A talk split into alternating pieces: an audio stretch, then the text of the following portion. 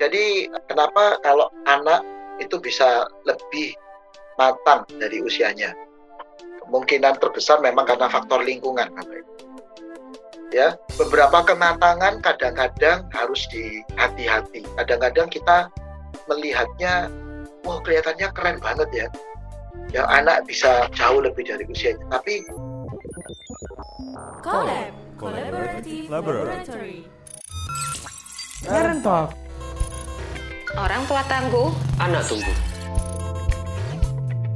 Ya Pak Hans, ya, saya mau silakan. bertanya. Ya ini kalau di perkembangannya tidak, ses- tidak sesuai dengan yang harusnya seperti tabel yang tadi Bapak share itu mungkin bisa dibantu orang tua mungkin ya maksudnya itu kalau eh, perkembangannya nggak sesuai tapi kalau yang lebih itu kenapa maksudnya apakah itu mempengaruhi kah atau seperti apa Jadi kenapa kalau anak itu bisa lebih matang dari usianya?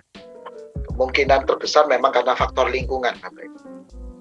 Ya, beberapa kematangan kadang-kadang harus dihati-hati. Kadang-kadang kita melihatnya, wah kelihatannya keren banget ya. Ya anak bisa jauh lebih dari usianya. Tapi kita juga harus memastikan, kalaupun dia lebih dari yang sesungguhnya, tapi jangan sampai dia skip ya. Jadi skip itu kan berarti ini dilewati dilompati gitu. Kalau dia sudah lewati tapi dia lebih cepat oke. Misalnya ada tangga ada empat anak tangga dia naiknya lebih cepat oke. Tapi kalau yang dimaksud lebih cepat itu dia melompat dari tangga satu ke tangga tiga terus ke tangga nomor lima. Dua yang di skip ini itu tetap menjadi hal yang kosong.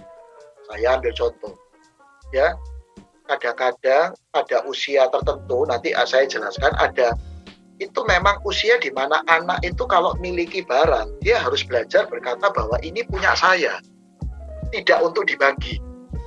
Nah orang tua itu kadang saking senengnya lihat Ih anak saya ini ya semua punya barang langsung dibagi punya kue dibagi punya anu dibagi. Dia tidak belajar pegang bahwa ini barang saya. Atau kadang-kadang kita orang tua tanpa sadar meminta mereka tidak langsung. Kalau punya kue satu, ayo bagi, ayo harus berbagi, main harus langsung berbagi. Tidak apa-apa kalau dia sudah punya tahapan sebelumnya. Tapi kalau enggak, nah anak ini tidak akan pernah belajar punya yang namanya sense of belongingness, merasa ini punya saya, ini yang harus saya jaga, ini yang menjadi milik saya nanti pada tahap berikutnya ada waktunya untuk kita berkata, ayo sekarang waktunya kita juga berbagi. Tapi kalau kita skip langsung berbagi, kadang-kadang dia tidak belajar seperti itu. Nah, anak ini beberapa risetnya bahkan berkata kadang-kadang, ya ini kadang-kadang bisa menghasilkan anak-anak yang di masa depan justru tidak punya hasrat prestasi. Karena prestasi itu kan saya harus berjuang, ini nilai saya. Saya tidak boleh apa ya, tidak boleh ngerpei teman lah istilahnya ya. Saya harus uh, ada ada waktunya kolaborasi. Tapi ini ini yang harus saya kejar. Ini cita-cita saya. Ya, ini tidak bisa dibagi. Nah, bahkan ada riset yang berkata anak-anak yang tidak punya sense of belongingness ini, maaf, ada risetnya yang berkata ketika dia kemudian menjalin hubungan atau pasangan di usia-usia yang lebih remaja, jadi mulai mengenal lawan jenis, seperti juga tidak punya komitmen kepada eh, pasangan bahkan. Wow, kan kalau sudah gitu jadi jadi masalah karena ya mau pacarnya diambil orang ya tidak apa-apa, dia tidak apa-apa. Jadi semuanya barangnya diambil tidak apa-apa. Nah, hal termasuk rencana-rencananya diserobotin orang juga tidak apa-apa begitu. Jadi nah itu yang itu contoh ya. Tapi nah, jadi kalau ditanya kenapa penyebabnya mungkin karena lingkungan ya. Bisa juga karena kecerdasannya. Kalau dia karena kecerdasan dia tidak skip cuman semua tahapan itu dilalui lebih cepat. Yang hati-hati itu kalau sampai dia men-skip ya. Dia men-skip tahapan-tahapan yang ada kita orang tua kelihatannya senang eh, anak saya tiba-tiba sudah pinter sudah pinter anu apa namanya matematika misalnya sudah pinter ini sudah pinter itu. Ya kita bersyukur karena itu tapi harus dicek jangan sampai bolong lobang apa ada skip yang dia dia lewati tugas itu.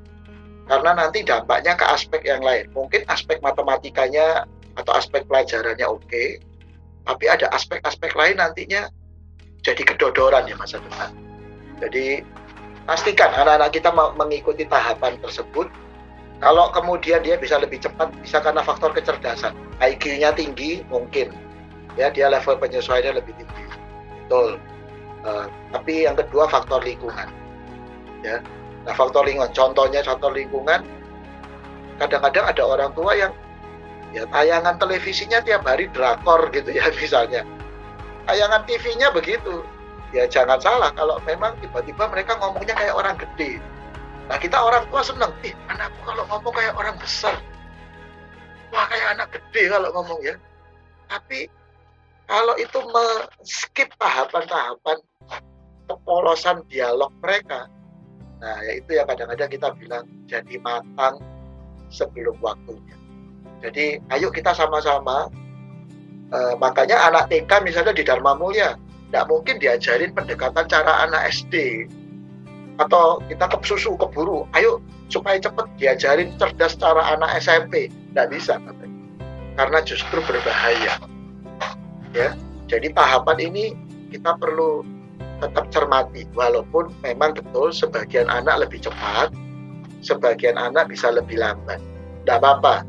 Tapi asalkan proses-proses uh, ini uh, tetap tetap terpenuhi nah dari situ kita juga bisa melihat oh anak saya misalnya sudah dua tahun kok belum bisa bicara satu dua kata ya sulit masih ngomongnya tidak jelas nah di situ kita bisa mencoba melakukan beberapa proses terapi atau stimulan yang menolong supaya tidak ketinggalan ini tahapan perkembangannya.